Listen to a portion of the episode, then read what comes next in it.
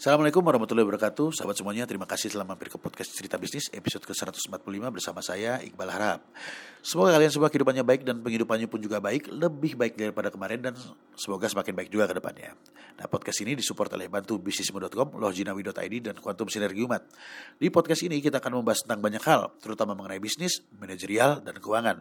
Dibahas dari sudut pandang saya pribadi sebagai seorang pelaku bisnis dan pelaku investasi sejak tahun 2006 Harapannya supaya kalian teman-teman mendengar yang yang mungkin ada keinginan untuk menjadi pengusaha atau bagi teman-teman yang sudah menjadi pengusaha atau juga bagi teman-teman dengan profesi lainnya barangkali aja kalian bisa mendapatkan insight yang berbeda. So, kalau misalnya kalian sudah mendengarkan podcast kali ini dan mungkin ada yang kurang jelas dan ingin ditanyakan, monggo langsung kontak ke nomor WhatsApp yang saya cantumkan di deskripsi di podcast ini supaya kita bisa berdiskusi lebih lanjut.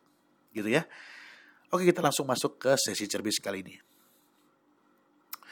Jadi teman-teman sekalian pernah main monopoli nggak? Ya saya rasa hampir semua dari kita itu pernah main monopoli lah ya. Minimal kalau belum pernah main, minim pernah denger lah tentang permainan bernama monopoli.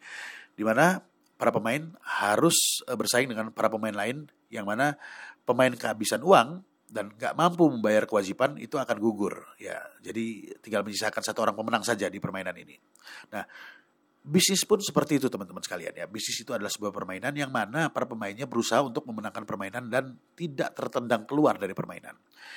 Ya dan tentunya dalam permainan juga ada pemenang dan ada pihak yang kalah dan kita tidak selalu bisa memenangkan permainan ya. Karena kita juga harus kalah. Itu adalah hal yang biasa.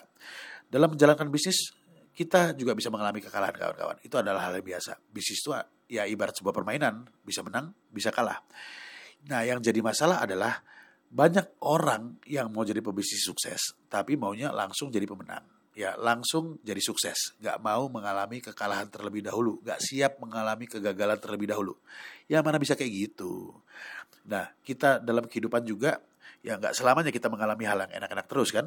Ada kalanya juga kita harus gagal, ada kalanya kita harus menelan pil pahit dalam kehidupan ini. Nah, kalau dalam kehidupan ini kita dipaksa bisa untuk menelan pil pahit. Tapi kenapa dalam bisnis ya ketika kita menjalankan bisnis kita nggak siap untuk kalah gitu loh.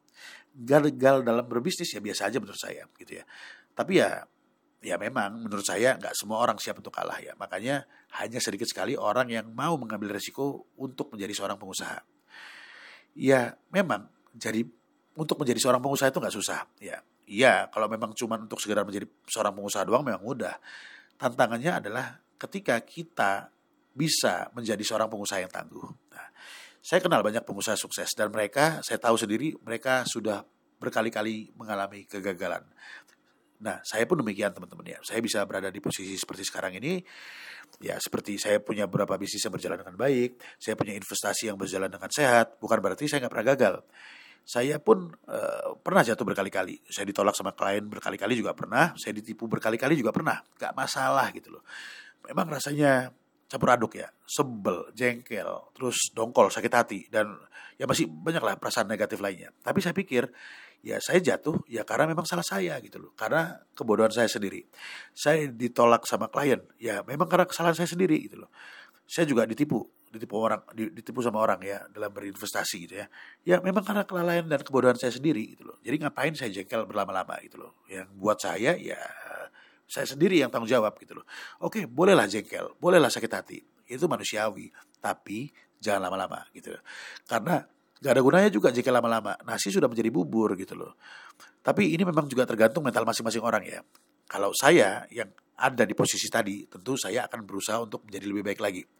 Jika saya nggak mau gagal lagi, maka saya harus jadi lebih baik lagi harus lebih pintar lagi, harus lebih dewasa lagi dalam bersikap, harus lebih tenang dalam mengambil keputusan gitu loh.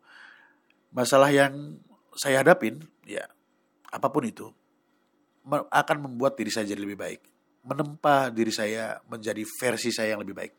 Jadi ini menurut saya ya, mumpung kita mesti punya kesempatan ya. Saya merasa bahwa ya saya harus banyak mencoba hal-hal baru yang positif. Tentunya hal positif ini adalah hal-hal baru ini adalah hal-hal yang berhubungan dengan pertumbuhan saya pribadi ya. Agar saya menjadi pribadi yang lebih baik eh, dan juga untuk pertumbuhan ekonomi saya tentunya. Dan tentu saya nggak suka kekalahan. Siapa sih yang suka kalah? Siapa sih yang suka gagal? Siapa sih yang suka menderita? Nggak ada. Saya yakin nggak ada yang suka gagal. Tapi gagal adalah salah satu resiko yang mungkin akan kita hadapi jika kita memutuskan untuk memilih mengerjakan sesuatu, apa pun itu. Jadi jika kita suka dengan sesuatu dan kita ingin mendapatkan sesuatu tersebut dan kita harus melakukan tindakan atau sebuah pekerjaan untuk mendapatkan sesuatu tersebut, ya pilihannya kan cuma dua, ya. Kalau nggak gagal, ya berhasil. Cuma dua doang gitu loh. Dan saya, jika saya ingin meraih sesuatu yang saya inginkan, saya ingin sesuatu gitu ya, dan uh, saya butuh sesuatu dan saya betul-betul pingin sesuatu itu, saya pribadi saya tidak akan pernah berusaha menghindari kegagalan. Tapi yang saya lakukan adalah mengecilkan peluang untuk gagal. Gimana sih supaya kita nggak gagal lagi gitu loh. Sehingga saya perlu lebih teliti, saya perlu lebih banyak belajar, saya perlu lebih banyak uh, tim support, saya perlu mentor. Saya harus benar-benar paham tentang kenapa sih hal tersebut perlu saya raih dan apa yang perlu saya kerjakan supaya hal tersebut bisa saya dapatkan. Dan tentunya saya harus uh, jadi benar-benar ahli dalam apa yang saya kerjakan. Dan saya lihat banyak orang yang sukses karena mereka bisa mengambil hikmah, mereka belajar dari kegagalan mereka. Ya. Mereka menjadikan rasa sakit dari kegagalan, rasa jengkel dari kegagalan menjadi sebuah motivasi yang kuat untuk tidak gagal lagi ke depannya. Jadi ya menurut saya jangan takut gagal lah. Jadikan kegagalan menjadi ya sebuah pengalaman pahit dan jadikan motivasi untuk supaya kita nggak ngulangi lagi kesalahan yang sama di ke depan harinya. Sehingga kita bisa menjadi pribadi yang lebih baik lagi ke depannya. Ya kalau saya bisa kalau mereka bisa saya rasa anda juga pasti bisa lah. Tinggal gimana caranya anda menata hati dalam menyikapi kegagalan yang anda dapatkan. Sekali lagi teman-teman bisnis cuma sekedar permainan jadi jangan takut gagal gitu ya. Oke mungkin demikian tentang cerbi singkat episode kali ini teman-teman. Monggo kalau misalnya ada yang perlu didiskusikan uh, bisa sharing ke nomor WhatsApp yang saya cantumkan di deskripsi di podcast ini. Kalau misalnya saya ngomong babaliut, saya ngomong kecepatan, saya ada ngomong yang kurang jelas atau mungkin ada omongan yang menyakitkan ya, saya minta maaf kepada teman-teman sekalian. Semoga bermanfaat buat kalian semua teman-teman mendengar, terutama buat saya pribadi sebagai pengingat diri. Saya cabut dulu, saya mundur diri. Sampai jumpa di episode cerbis berikutnya. Assalamualaikum warahmatullahi wabarakatuh.